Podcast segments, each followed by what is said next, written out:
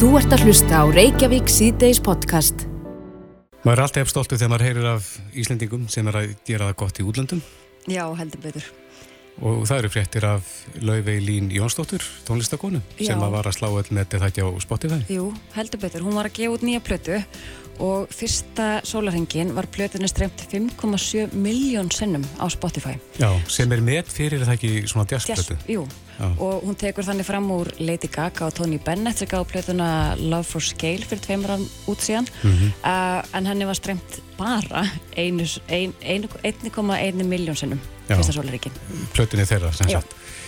Og Laufey er á línunni, kom til sæl. Og til hafmyggi með þetta, hvernig Til er hamingju. tilfinningin þín svona að vera búin að slá þetta með og þetta er ekki smá nöfn sem þú ætti að slá við þarna, Tony Bennett og Lady Gaga. ég er mjög ánægð. Þetta er mjög, mjög skemmtilegt að sjá svona tölur. Áttur vona á þessu þegar, þegar þú settir þetta á Spotify? Nei, alls, alls ekki. Ég reyna að hugsa ekki of mikið um tölunar og, og reyna bara að hlusta, búa til tónlist og gera það sem best. En svo þegar því platan kemur út og svona tölur fara að streyma inn, þá þetta kemur alltaf alveg frekar mikið á óvart. Og getur aðeins líst plötunni fyrir okkur sem hún varst að gefa út? Já, um, platan heitir Bewitched og þetta er ástarplata myndi ég segja. Þetta er svona blanda, blanda af hlutum. Um, þetta er önnu plata mín Mhm. og ég held að ég persónlega finnst mér að ég sé búin að fara fram í, í lagasmiðum þannig að ég held að lögin séu miklu betra en í síðustu blötunni og ég er aðeins meira bara confident í tónlistunni þannig að ég ég ákvaði fyrir þessa plötu að fara bara virkilega inn í jazz og klassísku hliðina mína. Því að ég, ég hafði alltaf það markmiði að koma jazz og, og jazz tónlist sérstaklega og klassísku tónlist líka á framfæri fyrir sérstaklega ungan aldurshóp, ný, nýjum aldurshópir sem hafa aldrei heist af því tónlist áður mm. eða hafa aldrei haft eitthvað söngkon eða fyrirmynd í, í jazz tónlist. Já, já. Og í fyrstu plötunum minni þá var ég pínu óvissum hvað ég gæti, fyrir langt inn í svona tónlist án þess að, þess að tapa hlustandur, unga hlustandur. En svo fann ég eftir fyrstu plötuna, vindalustu lögin voru lögin sem voru mest eins og gömul jazzlög eða bara lög sem voru tekin upp með symfóníuhljómsveit. Þannig ég ákvæði til þessa plötu að fara bara mjög mikið inn í rætuna mína, inn í jazz og klassísku rætunar og það var allt tekið upp live um, millir hér og London, um, LA og London og já, þetta eru bara litlar, ég samtiði lögin um, þetta er, þetta er allt eitthvað sem ég hef farið í gegnum og litla sögur frá lífinu mínu og lífið mitt hefur náttúrulega breyst alveg frekar mikið, ég byrti til LA fyrir tveimur árum og þetta er svona litlar ástasögur svona sem ég er búin að fara í gegnum síðustu 30 ári. Og hvernig er að vera búsett úti? Þannig það er mjög skemmtilegt. Þetta er eiginlega eins og að búa í bíómynd. Þetta tók tínu langan tíma að venjast. Ég, ég er alveg frekar, ég sakna mamma og pappa mjög mikið. Þau eru á Íslandi. Týbrastistin mín í júni að býr í London. Þannig að ég var með mjög miklu heimfrá fyrst og er ennþá stundum með heimfrá. En ég, er búin að vera að ferðast svo mikið og, og svona, á tónleikaferðalögum út um all, allan heiminn. Þannig að ég er ekki svo með ég er kannski hálft árið eða fimm mánuði á árinu í LA og það var þetta bara góð stað að koma og vera eftir því að maður er inn í, inn í rúti á meðan maður er að, túra eða fyrst alltaf inn í flugvelum og að koma heim og vera bara í, í húsi og það er gott veður í LA það er frekar verið snart En eh, efni að plötinu var streymt 5 miljón sinnum. Er, ertu eitthvað farin að krifja það? Hvað, hvað gerðist? Nei, ég veit það ekki. Ég held bara að ég er hægt og rólega búin að vera að byggja þetta upp, gefa út lög, byggja upp á, á Instagram og TikTok og svona og, og já, ég held, ég veit það ekki. Ég, um, ég held að það bara vantaði söngkunni að vantaði jazzsöngkunni fyrir, fyrir minn aldurshóp og þetta var bara eitthvað nýtt fyrir þeim. Þannig að ég held að þau bara, ég veit ekki. Eru þið ekki búin að vinna svolítið saman að þessu, þú og Júnía, sérstuðin? Já, hún er hún er listræni stjórn, eða veist, creative director, ég veit ég alveg hvað íslensk orðið er. En hún er, já, hún er búin að vera hjálp mjög mikið með að byggja upp þannig að heiminn bakvið lauði, þannig að tónlistarmyndband, myndartökur, allt svona sem að sér um, það Júnia. Mm -hmm. En þú er komið núna til Los Angeles, er, er það hlut af einhverju starra plani hjá þér? Ertu að reyna að koma inn í kveikmyndir eða eitthvað slíkt? Ég meina það var algjör draumur að semja tónlistri kveikmyndir og það er alveg á planinu. Draumurum minn, störstu draumurum minn er að semja eitthvað svona eins og La La Land eða, eða lægið fyrir James Bond. Það er svona tipp-topp, tipp-topp markmiður en við sjáum til, ég meina tónlistabransin er í LA í bandaríkunum, hann er að næstu leiti hér þannig að ég flutti hinga til að vinna með pródúsurum að þetta er artistanir búið hér þannig að það er svona aðal aðal ástæðan fyrir því að búið í LA mm -hmm. Ertu að vekja aðtikli þar sem eru, eru fjölmilar að hafa samband við þig eftir, á þessum tímamótum? Já, alveg, alveg nokkuð vikið Erlendi fjölmilar líka? Já, aðalega Erlendir. Þetta er fyrsta viðtalið mitt við Ísland. Eða, við... fyrsta símtali sem þú farði að heimann? Já, síðan að platan kom út. Já. Og, já, við, já. Mm. En þú ætlar að fylgja hana eftir eða ekki, með tónleikum? Já, heyrðu, það var tónleikar í Hörpu í Elfborg um, 9. mars og við erum bara að fara að setja upp aðra tónleika. Tíundu bara, þannig að auka tónleika. Já. En svo ertu líka þú fær líka hérna í, í einhverja ferð um heiminu það ekki? Og fyrir þá sem eru kannski að fælsvæti já, já, já, ég er að fara ég er að fara til Kína núna eftir viku. Já. og ég er að spila í Hong Kong og Peking. Og það var alltaf að seljast því og um 10. oktober þá byrja ég á tónleikaferðalag um Bandaríkin og Kanada. Það eru 30 tónleikar. Já, já. Það er líka. Já, en Lefi, þú, þú átt rætur það ekki sem að liggja til Kína? Já, ég er hálf kýmverk og ólstuð með að fara til Peking á hverju sem við, þannig að það verður mjög skemmtilegt að fara og spila. Ég er að spila með Kína Filharmoníunni. Já. Þannig að það er mjög skemmtilegt. Þannig að kýmverður eru vantilega stoltir að þeir og Íslandingar? Við sjáum til, þetta eru fyrstu tónleikana mínir í, í Peking, þannig í Kína, þannig að við, við sjáum hvernig þið taka, taka á mótið mér. Já. En markmið segir... Íslandi er náttúrulega, þau séu að fæta uppalinn á Íslandi, þannig að það er svona alveg... Já, akkurat. Hometown pride, eins og þið segja. Einmitt. En markmiðið þitt er að semja titilagi fyrir James Bond og við slúum vona bara að það náist. Ég vona það einnilega. Já, ég líka. ég líka. Já. Lauvelín Jónsdóttir, tónlistakona í Los Angeles, enn og aftur til hamingi með þennan frábæra árangur, til hamingi mín í blötundaðina og, og bestu hverður út. Takk helga fyrir, ég skilja það í heim. Takk, bless, bless. It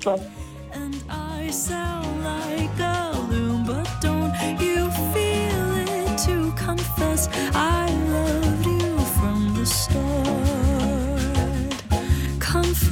I loved just thinking of you.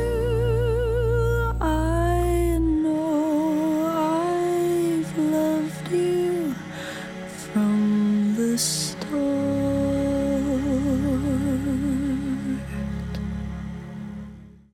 Þú ert að hlusta á Reykjavík C-Days podcast. Reykjavík síðdeis heldur áfram. Ég ætlum aðeins að ræða lagseldi núna næstu mínútur en uh, það brá mörgum í brún við þessar fréttir en uh, það byrstist fréttin á vísi.is fyrir helgi uh, sem að sagða að matalastofnun hafi staðfest að eldislags, strókulags frá Arctic Sea Farm á Patrilsverði hafi fundist í fjölda ám meðal annars í Víðidalsá, Vastalsá og Sel á Ísafjara djúpi. Já, margir sem hafa, uh, eru bara uggandi yfir stöðunni og ekki voru nú myndirna fallega sem fylgdi þessum, þessum fréttum. Nei. En það er spurning hvort að þetta sé eitthvað snúningspunktur í þessu máli. Þeir eru komni til að ræða þessi mál. Haraldur Eiríksson, sem er stjórnamæri á Íslenska náttúruvandasjónum og reyndar Atlantik Salmon Trust á Breitlandi og Sigur Geir Barðarsson, lagfræðingur hjá samtöku fyrirtæki Sjárúti. Velkomnir. Takk fyrir. Ef við byrjum á þér Haraldur, er þetta mál sem að nú er komið upp, er þetta einhver snúningspunktur í þessu máli á þínu mati? Já, ég held það. Ég held að, að e, við höfum reynda bent á e, þessa hættu undan fyrir ár, allt frá því að, að eldi fór á stað og sérstaklega eftir að byrja að vaksa svona mikið. E, en nú náttúrulega komum við svo á tímapunktur að, að það er farið að raunggerast það sem, að, það sem við verðum við. E, og það sem að bara nágranna þjóðar, þjóðar okkar hafa þurft að taka á í, í kjölfara svona mikils eldis á, á aðkomilagsi og já, ég tel að þetta sé ákveðin snúningspunktur. Við sjáum það bara að, að matvæla ráðferða er, er bóðar og neða fundi í hátinu með, með landsmæntu viðfélag og ég tel að menn séu svona að opna augun fyrir alvarleika málsins Mm -hmm. Hvað segir þú, Sigurkjör? Ég á erfitt með að taka undir að þetta geti talist að vera einhvers konar snúningspunktur. Staðan er svo að allt frá því 2017 hefur verið við líðið hérna á Íslandi svo kallar áættum að erðablöndunar sem að byggir og nú er bara á bestu mögulegu vísindum sem að, sem að hafa það grundvallar markmið að venda vilda nýtjastofna. Og frá 2017 og hefur verið viðhauð alveg gríðarlega mikil vöktun á þessum stofnum. Það er búið að uh, fylgjast mjög vel með stöðumála og staðrendin er svo að uh, þau viðmiðuna mörg sem voru sett að því átumandinu 2017 og eru enn við líði uh, gera ráð fyrir því að hlutvall eldislagsveið ám geti verið lagsveið ám geti verið alltaf 4% án þess að stefni þessum viltu nýtjastofnum í hættu þessu grundvallar markmið að það gerist ekki staðrendin er svo að uh, fram til þessa á þessum sex ára sem er liðin frá þetta átum að tók gildi þá hafa samtals fundist 27 eldislagsar í þessum ám, eða sem sagt 27 núna og 10 uh, árið þar á undan. Það við erum talað um einhverja 37 eldislagsa samantali sem dreifast á, á margar ár. Er það ásættanlegt? Uh, það er þetta aldrei ásættanlegt að fiskur sleppi. Það er ekki, það er hvorki markmið fiskildisfyrirtækina og að sjálfsögðu vilja veiðifélaginu náttúruvendar sinnar ekki að það gerist, ekki frekar en við.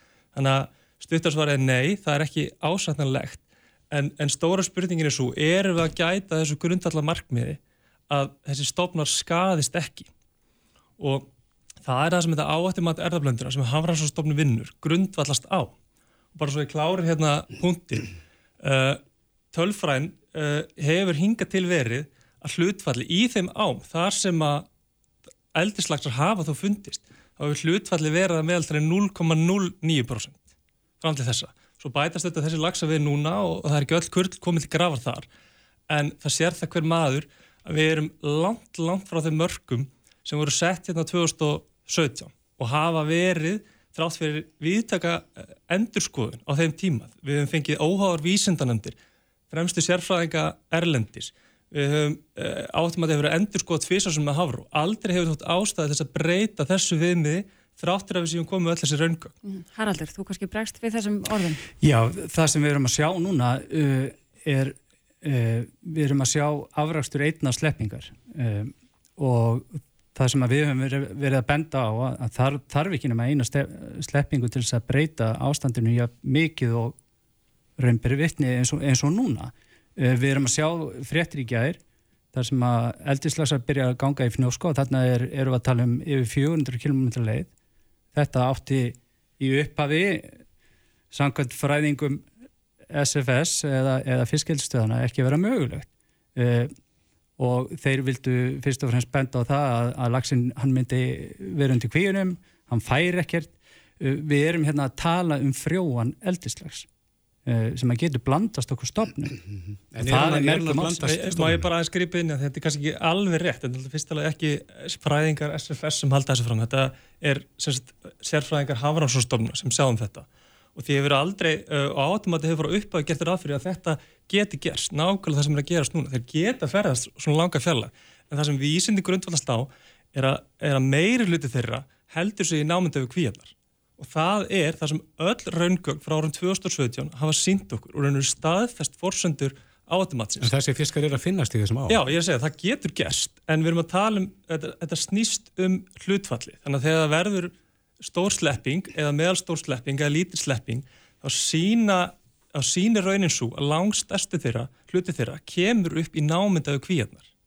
Það er það sem að niðurstöður hafrannsstofnunar sína og það getur hver maður kynnt sér með því að skoða þetta áhættum að Þá- skoða fórsöndunar og skoða vísindi Þá ætla ég að kynna þið það. Fiskistofa fór og, og afstæð eftir þessa, þetta sleppislýs núna. Leggur út net, veiði sex lagsa. Við erum að sjá í 100 km fjallæð á sem heitir blöndu þar sem eru komni hvað? Yfir 30. Hvaða rauk eru þetta? Er þetta er hægt að segja að þeir haldið sér við kvíarnar þegar þeir eru að finnast svona langt frá? Ég get ekki séð það. Aftur, ég er ekki, það, því er ekki haldið er fram hvorki á okkur neða vístamönnum Havró að allir lagsarnir haldið sér í námynda. Þetta snýst um Meiri þessi- hlutin er að finnast annar staðar. þeir sem eru að finnast í ánum við vitum alltaf að það er miklu meira af lögsum sem sleppur. Við erum að tala um að eh, það var í frettónum hérna í fyrra 80.000 lagsar um það byrj sluppu frá Arnafyrði. Uh, þessi lagsar hafa ennþá ekki ratað upp í ár. Þetta segir okkur bara Var, voru, ví- fyrir voru það kynþróska fiskar? Það liggur auðvitað ekki fyrir. smá, var, var það kynþróska lags? Það er nú kannski ágætt að halda því líka til haga, það liggur ekki enn fyrir hvort þessi tilteknu lagsar sem hafa verið gangið við þessar ár séu kynþróska Það byrtist mynd á MBL í, í morgun eða í gerkvöldi af fiskum bæðum með svilum og hrognum. Til hvers eru þau? Það, það sem ég er að segja, þá eftir að staðfesta þetta af Ég Hafrannsóknastofnun. skoði bara myndina, það er ágætti staðfesting. En, en aftur, er, er þetta hlutfall, hefur þetta einhver stað náð þessu 4% dröskutskildi sem við að þið gerir ráð fyrir Já, við erum, 2017? við- ef að framheldum svo horfið, þá nær blanda í 100 km hella þessum þröskuldi.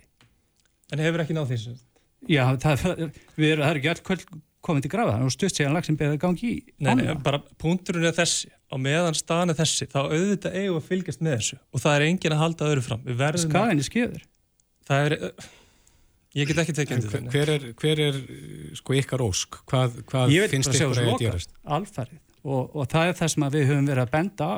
Það er engi millilegur í stöðinni uh, með að ég nota kynþróska norskur eldislags í eldinu hérna.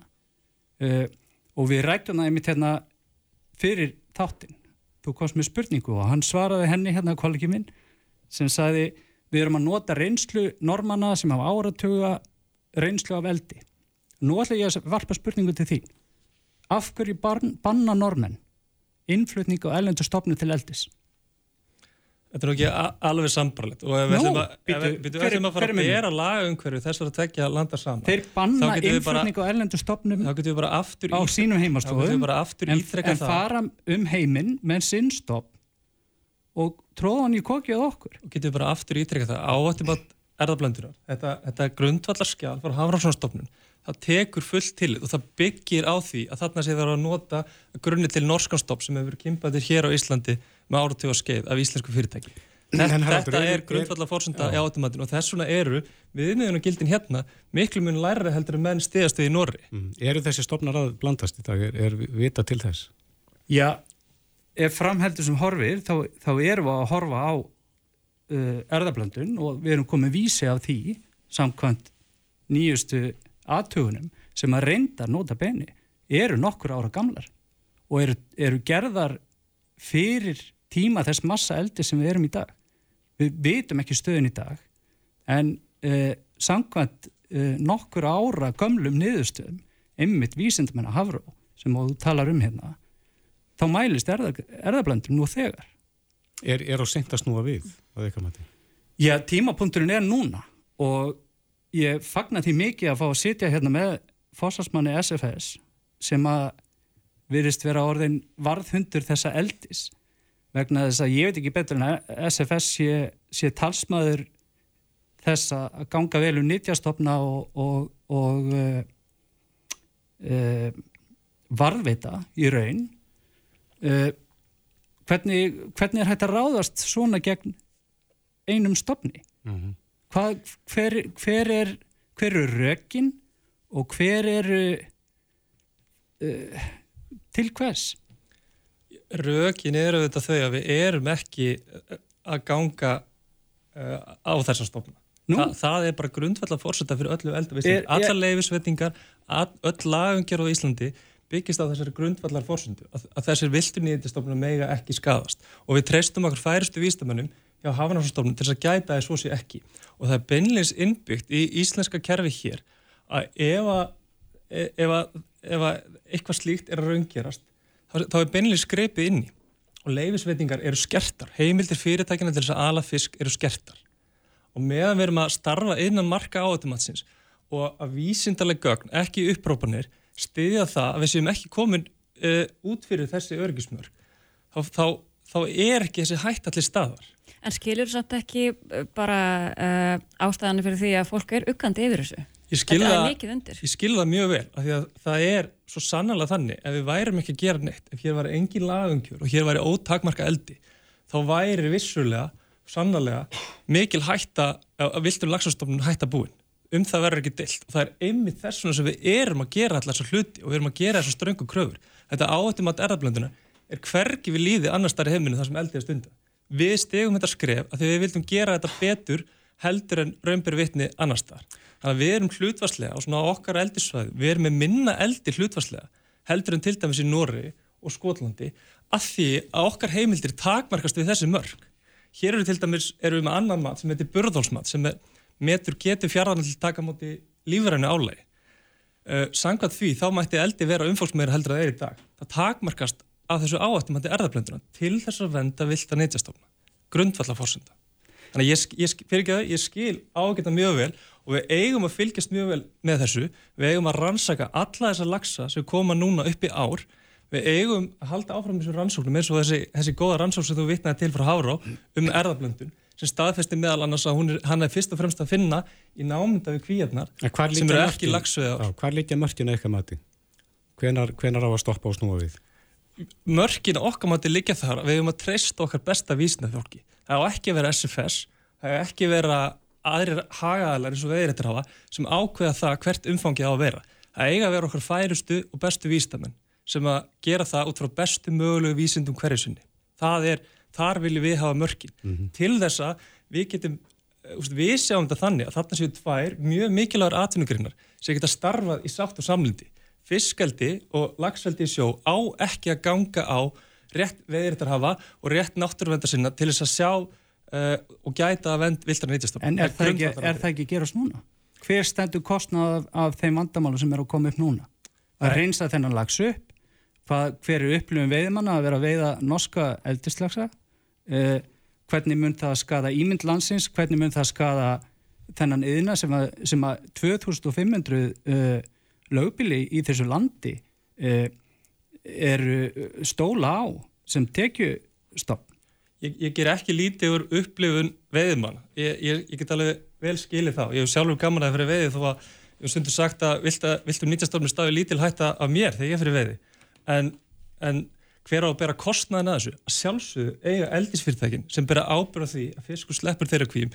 Þau, þau, þau eiga að kosta allar þær aðgerið sem nöðsynlegar eru til þess að- að að einhvern veginn draga úr þessar hættu. Hvort sem það er að sækja eldisfiskin hvort sem það er að greiða fyrir kafara hvort sem það er að greiða fyrir árvaka eins og, eins og fyrirtækin hafa gert. En Það er með- eftirlitið nóg með þessu? En, en þar sem að þetta er ekki hægt. Það eru fjölmörg ársvæði í þessu landi þar sem að það er ekkit hægt að hafa eftirlit með þessu. Ég hvernig kannski, ætlar að meta þann skap? kannski ósamal því það er að hafa einhvers konar eftirlit að gott sínatöku net þar sem við fylgjast mjög náu með hvert er hlutvært, bæði slempi sínatökur og svo eins og við erum að sjá núna það sem að veiðimenn eru kvartir til að senda lagsin inn til greiningar, þar sem við fáum bara úr því skorið hvert er hlutfall eldislagsa án. Þetta er, þetta er allt grundvallar atrið og aftur, þetta eiga fyrirtækin að kosta. Já, þú segir, þú Er- segir mér fréttir en, en bara rétt aðeins í, rétt aðeins í lokin, er, er komin tími til þess að, að koma þessu eldi upp á land? algjörlega og það er hafið og, og hann eh, þessi, er það ekki bara lausnum sko- til þess að allir séu sáttir? Já, kollegi minn er náttúrulega er, er talsmaður eldisfyrirtækja í, í, í, í landeldi líka þarna stangast hagsmunni gríðarlega á Ég, ég er ekki samlaðið stangist á. Jú, þetta er bara ólíku saman að. Þetta er ímyndavandi uh, og ég verð bara að koma því hérna að að ég furða mig á því að SFS sé orðin uh, skjöldur þessa yðnaðar uh, vegna þess að uh, ég veit ekki betur en að síðustu áratí hafi SFS uh, staðið sem varðhundar gegn því að erlend fyrirtæki uh, hafi eignari aðeild í íslensku sjávarútegi uh, nú eru þeir orðin talsmeð þeirra hvað veldur? hvað, hver er þessi viðhorsbreyting? Sér ekki er landeldi, þetta virðist vera laust sem að eh, flesti getur sett sér við. Landeldi, það er alltaf, það eru ótrúlega áform sem eru uppi um landeldi núna og þetta er alveg bara gríðarlega tækifæri framöndan og Ísland hefur mikið tækifæri til þess að vera svona í, í hvað segir maður, svona í, í leiðtói í þessum efnum á heimsvísu. Því að staðirindin er, enn sem komið er svo að landelda þeirri stærðagráðu sem við erum að sjá í sjókveldinu hefur hvergi raungjast. Staðan á Íslandi er eins og svo að við erum með ímiskonar tækifæri hér sem eru ekki til annar stað. Við höfum gott aðgengi að, að jarsjó, við erum með uh, aðgengi að hita og ágætis landrými og aðganga mm -hmm. svona góðum flutningslegum hér. En er þá líklegt að þetta eldis, sjókvíðar eldi sé að fara upp á land? Að það uh, gerist á með tímanum? Nei, ég held að það sé bara, við sem að tala um veru bara einhverleiti ólíkar greinar sem hafa mjög ólíkar þarfir. Landeldi, uh, það er, er engin tilvílum háð að landeldi er að byggjast upp hérna á sunnaveru landinu. Það sem við höfum þessa landkosti, það er á Reykjanesi og í Þorlásson. Þetta er ekki landkosti sem okkur standalli bóða fyrir austan og vestfyrir. En á eldi þá að vera þar? Við erum með mjög góða náttúrulegur aðstæðu fyrir eldi. En fyrir flutnisleðir? En fyrir flutnisleðir? Ástæðan fyrir því, nei, nei, það, það er ókostur við eldi fyrir austan og vestfyrir. Af hverju þá að vera með eldi þar? Af því við erum með aðra kosti. Við erum með ástæðan fyrir því að eldi er fyrst, er einverðingur leift í sjó á vestfjörðum og östfjörðum, er einmitt vegna þess aftur, við erum að venda viltu nýtastofnuna og þetta eru þau svæð á landinu mm -hmm. þar sem fjarlæði frá lagsveði á með mest. Já, af, því, það, af því að vísindir eins og við komum inn á það stiðja það að ef og þegar lags sleppur þá leitar hann í nærlíkjandi á Við erum bara sjá annað raunggerast núna. Ég var að benda þér á það. Ég, að, að, að fiskistofa veiðir sex lagsa í net utan við kvíarnar sem að er brot af því sem er að veiðast í 100 km fjallaði í dag að þeim lögsum sem hafa verið staðfestir sem eldislagsar í dag, þá er megin þorrin búin að koma upp þarna. Og ef við skoðum ennþá lengur aftur og horfum aftur til 2017 og nú er ég aftur bara vitnað í gögg fyrir hafnarsstofnum, þetta er ekki okkar gögg þá er staðrændið svo mm -hmm. að yfirgnæfandi meiruliti þeirra lagsa sem hafa leitað við ár hafa komið upp í mjölká mjölká er lítil afrenslis á sem rennur úr mjölkarvirkjun uh, þar sem engir viltir nýtjastofnar það var að koma að sínataka úr mjölka þessi sjö lagsa sem að komið það voru á náttúrulega stofn Já, við erum að tala frá 2017 við, við erum að horfa á þetta í stærra samingi við tölmyndum upp að þetta snýst ekki bara um þessa einu tilteknu sleppingu. Við erum að horfa Félag, á við, við erum bara fallnir á tíma. Þið verið sent samanlun þessi mál heyri ég en Haraldur Eiríksson stjórnar maður hjá Íslenska náttúruvendasjónum og Atlantik Salmón Tröst á Breitlandi og Sigur Geir Barðarsson lagfræðingur hjá samtöngu fyrirtæki Sjáurúti kæra þætti fyrir komuna. Takk fyrir. Takk. Þetta er Reykjavík C-Days podcast Já, klukkan gengir nýmyndur í sex Mhm. Kristófur, hefur þú um að vera auper? Nei, aldrei verið auper en ég veit að þú hefur verið auper Ég hef verið auper, já, fyrir á 20 árum í Luxemburg Já. Mjög skemmtileg lífsvensla og það eru mjög margir Íslandingar sem örgulega margir sem er að hlusta núna sem hafa farið sem auper Mhm. til annar landa Þetta er ekki að þessum kollum skipti nema Nei, þannig er þú bara að fara út að vinna hjá fjölskyldu. Já, og verður oft hluti af fjölskyldunni. Mm, Mælur með þessu? Eh, Klárlega, algjörlega. Já, svo framalega sem þú lendur á góðu heimili þá? Já, akkurat, ég var sem betur fyrir heppin í þeim málum.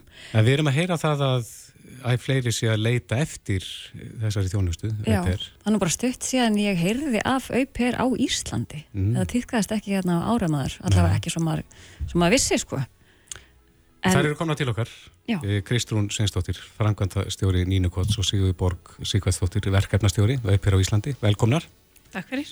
Gætu þið bara líst fyrir okkur hvað er auper fyrir, það- fyrir þá sem ekki vita Það er uh, uppið resulti eins og þú veist að tala um. Þú ferð og býrð heima hjá hérna, ellendraðali sem kemur býr heima hjá e, íslensku fjölskyldu og hérna tekur þátt í þeirra daglega lífi meðal annars að passa börn og, og svona létt heimilistrif og, og hérna í staðin fær hún sagt, þú veist, fæði og húsnaði og, og, og hérna vasapenning að launa Mhm. en þetta er svona fyrst og fremst menningaskipti og hérna þannig að báðir, báðir njóta Já, og hafið þið báðið að fara út sem auper? eh, Nei, við erum endar Hvoru að farið eh, en ég hef sjálf verið með auper og haf, hérna, fyrir, fyrir svolítið síðan fyrir hvað árið síðan og hérna og það var bara frábært. Það, mér, veist, það var mikil aðstóð og, og hérna og ég eignast þarna vel annars mjög góða vinkunur í dag. Þannig að og hérna og það er létti vikið á heimilinu og hérna bauð upp á hérna ímsar lausnir í svona daglega amstri En við sögðum einnig að við erum svona, okkar tilfinning er að þetta sé aukast núna síðustu misseri. Verðið þið varar við það? sko við okkur finnst svona gegnum árin já, okkur finnst þetta vera aukast þetta er svona aðeins kannski niður í COVID ekki að fara að skilja, en hérna já, þetta er aukast en hérna, svona hægt voralega já, Og sumir setja sama sem eftir að milli þess að það er erfitt að fá leikskólapláss í dag og svo þess að, að fá auðpyr. sko Getur það passað?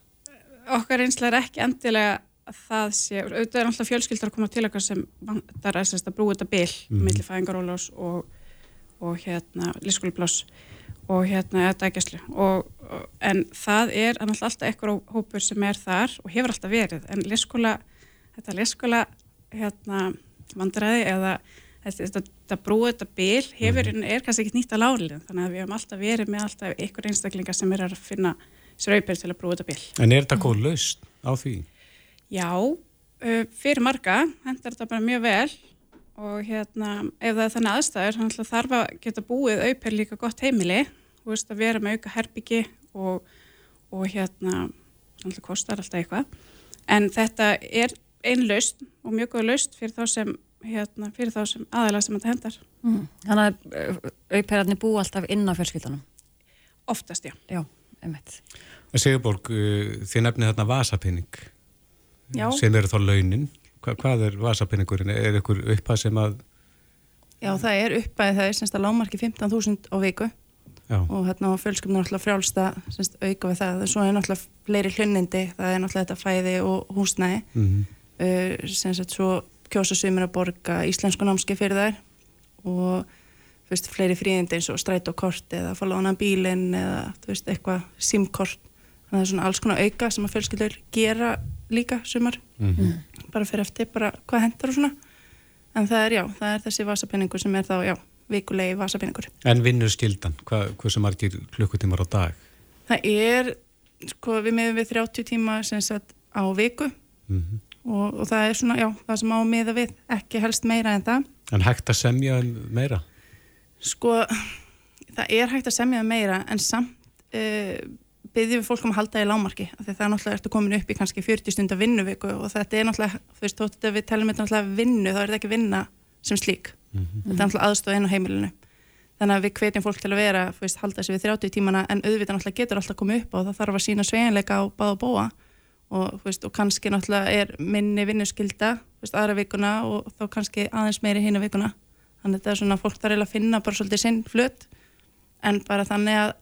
og öllum lífi vel þegar þið viti En er mikið frambóð af auperum sem vilja koma til landsins? Já, það er það. Það er alveg, sem sé náttúrulega þekkið þekki ekki öðrum löndum, en það er náttúrulega verið með sem sagt fullt af samstagsalum sem er að senda til okkar að auglýsa verkefni erlendis, auglýsa hvað er í búaði, sem sagt hver hlunindin eru og, hérna, og já, við teljum vera mikla eftirspurn. Er það bara frá Íslandi? Sem þá Nei, fyrir ekki frá Evrópu, alltaf ég að segja. Við, við erum bara að fá auper frá Evrópu. Við höfum bara lagt áherslu á það að vera með auper frá Evrópu og hérna, En Það- það, það það er er að okkar- koma er frá löndum, er það ekki? já, Utan Evrópu? já, til Íslands, jú. Já. En við höfum ekki verið að hérna, einblina þannig marka, en þá, eins og komir. En ef fjölskyldur eru að hlusta úti núna sem er að hugsa hvar er ég að byrja? Hvað veist, Hvernig get ég fengið mér auper?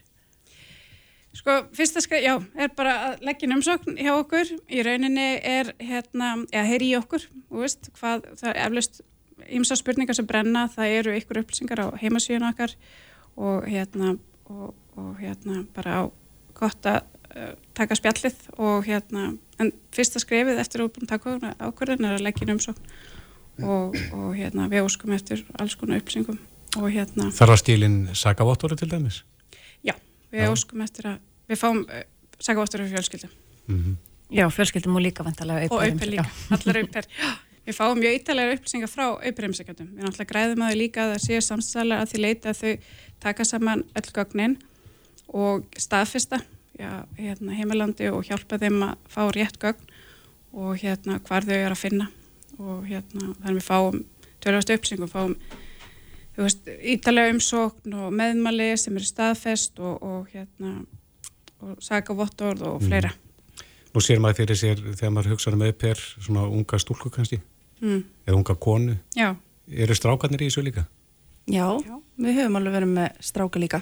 Náttúrulega meiri hlutin eru stelpur en, veist, en það er alveg líka stráka sem að koma og, með góðum árangri. Þannig að þetta er bara, já, þetta er alveg fyrir bæði, það er fyrir alla. Og hefur gengið snurulust fyrir sig? Er, er, hver eru svona aldingustu vandamálin ef að þau komu upp? sko, yfirleitt gengur þetta bara mjög vel og samstarf að milli uppur og fjölskyldum gengur bara mjög vel. Og auðvitað koma náttúrulega ykkur áreikstrar en veist, ekkert eitthvað sem er yfirleitt leysanlegt. En hérna, grunninn á því er náttúrulega bara eiga góð samskipti Mm og væntingarstjórnin þú veist, það er svona, það er grunninn á því. En eins og bara í öllum samskipti þá geta komið upp áreikstrar sérstaklega út svona, þau eru náttúrulega búa saman heimili, þau eru náttúrulega svolítið náið samband en hérna Hvað er, hvað er ráðningasambandið langt? Þið, þið, við spurðum um íslenskt orðið við þetta áðan og þið sögðu vist ráðning Já, vistráning, já. en hvað er Það er- nær vist ráðningi langt? Það er samgórnasættur á milli fjölskyldu og uppur. Mm Það geta verið bara nokkrir mánuðir, tvei, þrjú mánuðir upp í, en flestar sem eru komið til okkar vilja vera frá tíu upp í tól mánuði, en það er samt allur gangur á því og okkur sem vilja vera lengur. lengur. Já, Mhm. jáfnvel lengur og, þú veist, og kannski koma þær með ákveðina mánuði í huga og svo bara gengur þetta ótrúlega vel, þannig að það vilja framleika dölinni og svona, já. Og hver eru kostið þess að fá, fá sér auper bara ef við lítum fram hjá pössununni? það er náttúrulega bara frábært fyrir börnin að fá bara inn á heimili bara einstakling með allt aðra sín á lífið eða þið vitið, annan bakgrunn Mhm. og bæði það að læra nýtt tungumál og eða semst verða betri jafnvel, þú veist, margir vilja að börnin sín verða betri ennsku að þau við gerum kröfa auðvitað sem er góða ennsku kunnáttu og hérna já, veit ekki, þetta er bara styrkin alltaf líka, eða, veist, þetta er alltaf bara góð aðstóð inn á heimili, það er alltaf mikið um að vera í dag hjá fjölskyldum. Og hérna mikið um að skutla og mikið um að sækja og, og fólki fullir í vinnu. Og þetta er svona bara auka hendur, auka aðstóð og bara reynist vel þeim sem að hafa pröfað þetta. Er eitthvað um að eldri borgarar eh, fái sér aupir? Ef maður má segja þetta fá sér aupir en Það eru skilir þegar börn séu á heimili það er skilir því. Já. sem uppur, já, Hversu gömul? upp í átján. Já. Það er sérst 17 ára. 17 ára er yngst. Er, Nei, já, er, er elst, elst. já. það segja. En fyrir þá sem er að hlusta og eh, vilja fá sér auper og einmitt hugsa að ég er með auka herbergi, er eitthvað svona þarf herbergi að vera vist stórt?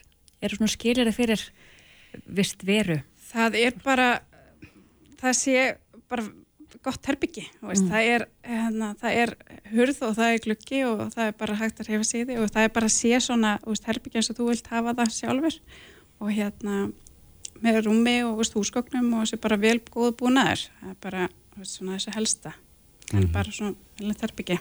Já. Og fyrir þá sem eru orðinir spennti núna, er þetta að leita upplýsinga hjá ykkur?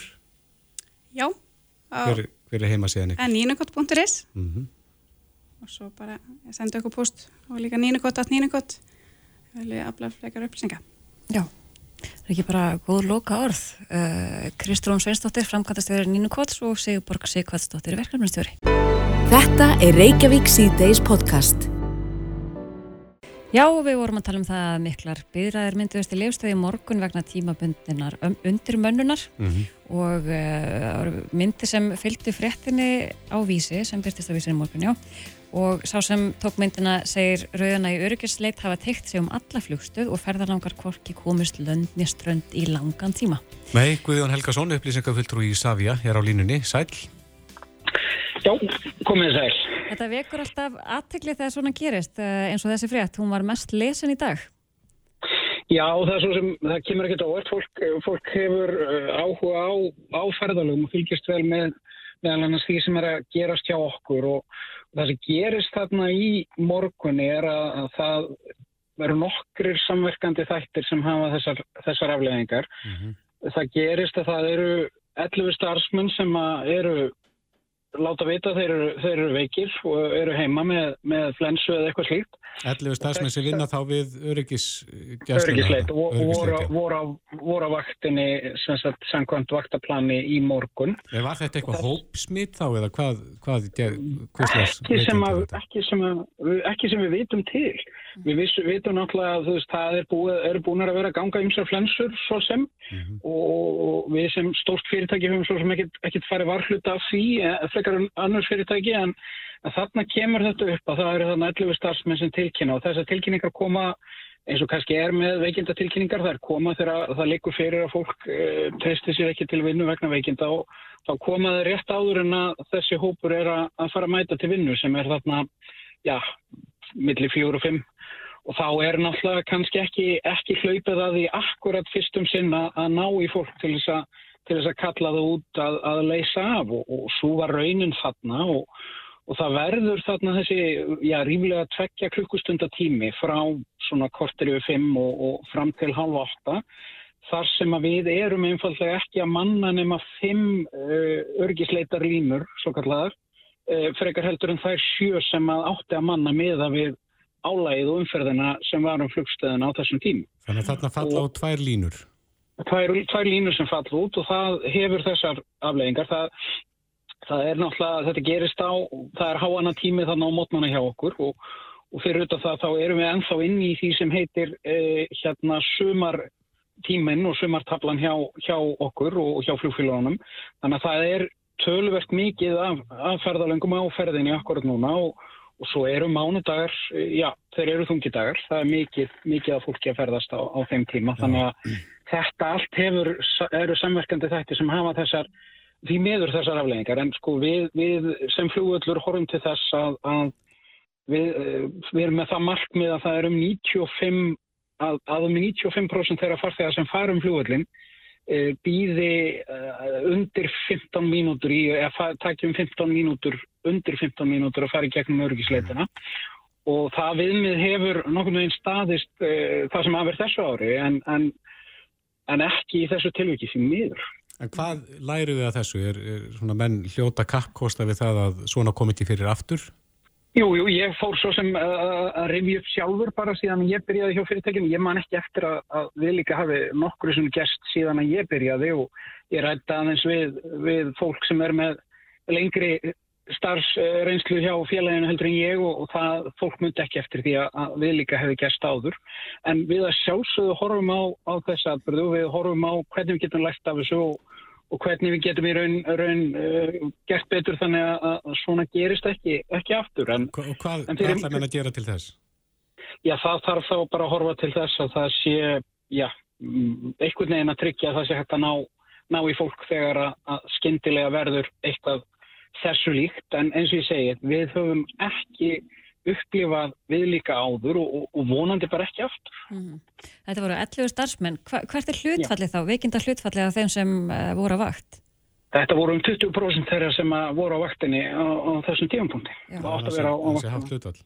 Það er hátt hlutvall. Þannig að þetta er svona, hvað maður segja, þetta er svona eins og eins konar fullkomin stormur eða eitthvað slíkt. Þetta er, ég held að, að það, það er erfitt að sjá fyrir svona atbyrður ás. Já. Og í fullkomnum stormi eins og þessum náðu allir farþegar flugunum sínum? Já, það er það sem ég fór svona grenslast fyrir um. Ég hef ekki heyrt af því allavega að, að, að hérna, fólk hafi mistað flugi og ef maður fer inn á, á hérna, brottfara síðan á vefkeflagu flugvallar þá er hægt að sjá uh, áætlaðan brottfaratíma þarna á þessu tímabili og síðan raun brottfaratíma og með minnir þegar ég var að skoða þetta í morgun að, að það hafi ekki verið nema kannski í mestalagi einhver flug sem voru tímundu pluss lengur að komast í lofti þannig að, þannig að áhrifin á flug virðast e- ekki hafa verið mikil en, en fólk hefur vissilega þurft að býða þarna í röð og, og, og það er mjög stemmingin? ég hef nú ekki heyrt að hún hafi verið slæm. Ég raunar heyrt hún hafi fólk hafi tekið þessu með jafnaðar geðið með það sem ég er búin að heyra. Þannig að því miður þá geta atbyrðir orðið og, og, það var bara samverkandi þætti sem hafði þessi áhrif í, í morgun Og kannski bara í lokin út í að við erum að falla tíma uh, nýju komisalurinn. Þeir voru að taka í gagnið uh, ný böndi, eða ekki?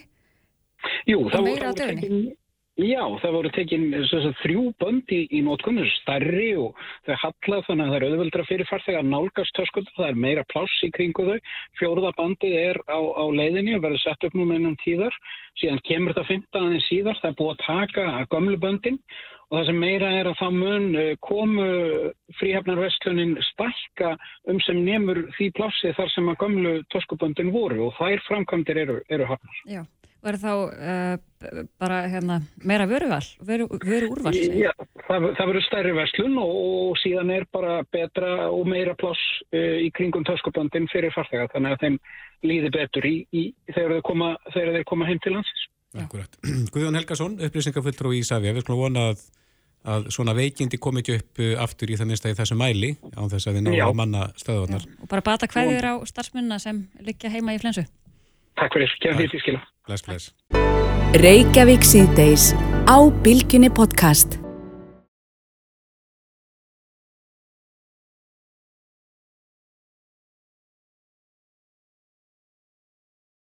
Reykjavík sýtið seldur áfram þegar klukkur vantar réttum 12 mínútur í 6. Uh, hér uh, milli 4 og 5 komið til okkar Haraldur Eiríksson, stjórnamaður hjá Íslensku náttúruvendasjónum og Atlantik Salmon Tröst á Breitlandi og Sigur Geir Barðarsson, lagfræðingur hjá samtöku fyrirtæki Sjárútegi og það, það voru fjóra ára umræður milli þeirra Já, heldur betur. um uh, lagseldi í sjó og svona áhættun af því. En uh, það segir hér í fréttin á vísi.is að landsamband veiðifélaga uh, óskaði eftir neyðarfundi með matalar á þeirra, Svandísi Svavastóttur og hann er komið til okkar Gunnar Örn Pettersen, frangotastjóri landsambands veiðifélaga, velkomin. Takk fyrir það. Já, neyðarfundur, akkur er neyðarfundur?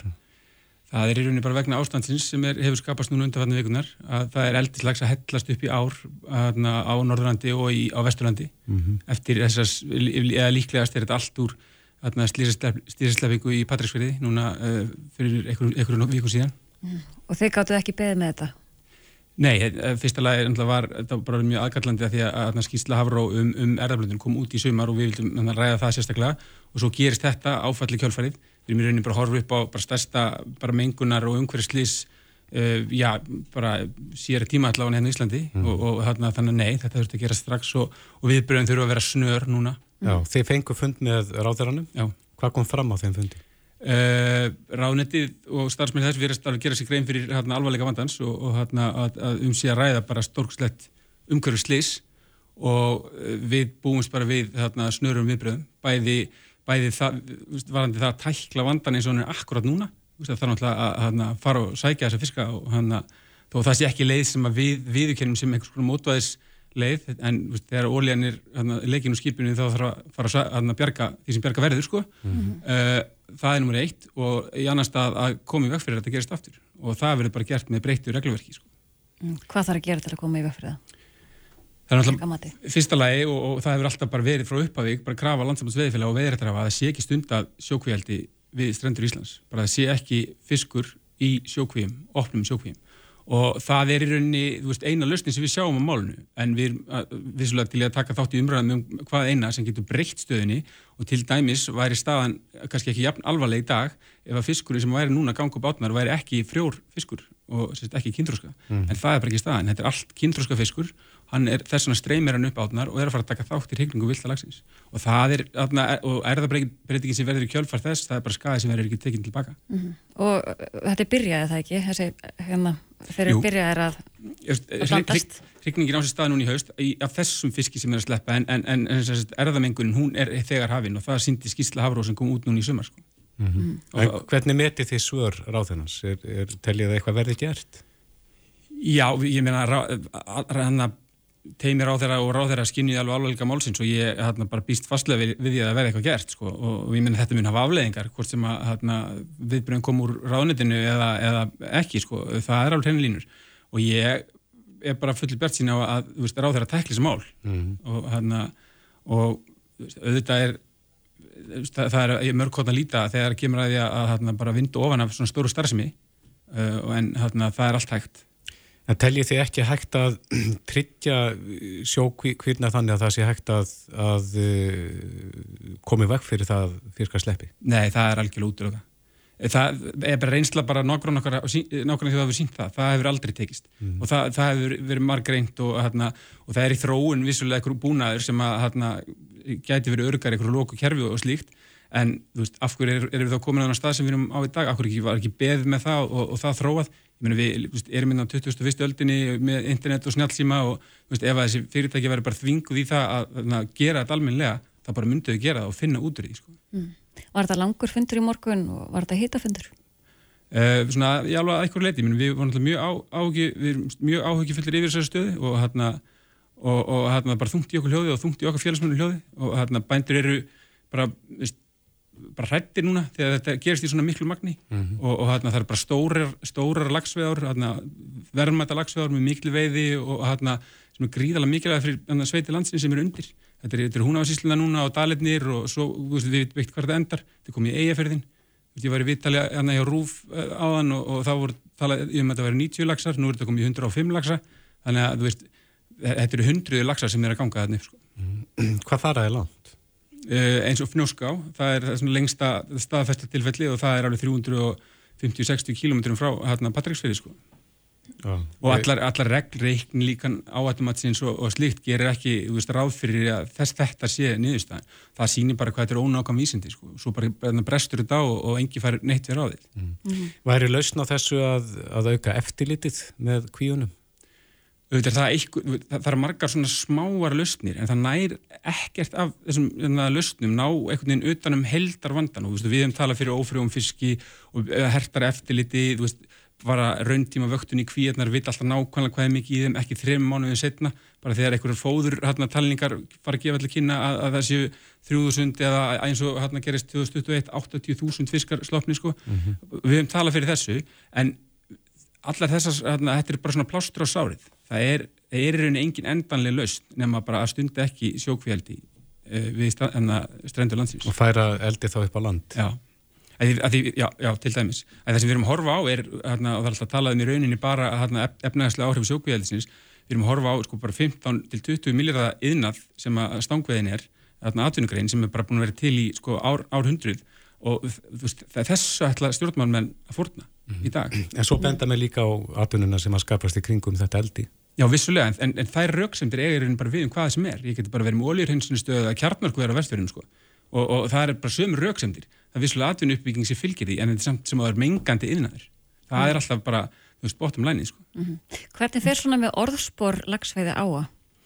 Við erum alltaf bara mjög ákjöfullir uh, yfir því. Auðvitað, auðvitað sko, er þetta fyrst og fremst ef að stopnin hnignar, þá er það bara skjálfilegt, bara, bara fyrir sjálfstæðan tilveru rétt lagsastofnins og bara fyrir afkomu þarna, bara bænda og fólksins í landinu sem reyðis á þetta. En, en það er bara strax þá þegar hafið, hafin umræða með er- erlendra veðimanna, eins og voru veðinum í skafirði, þeir eru bara, fengu þrá eldurslags á, þeir eru ekkit við sem þeir eru ekki að koma aftur í þetta, sko. Er og sent að snúa við?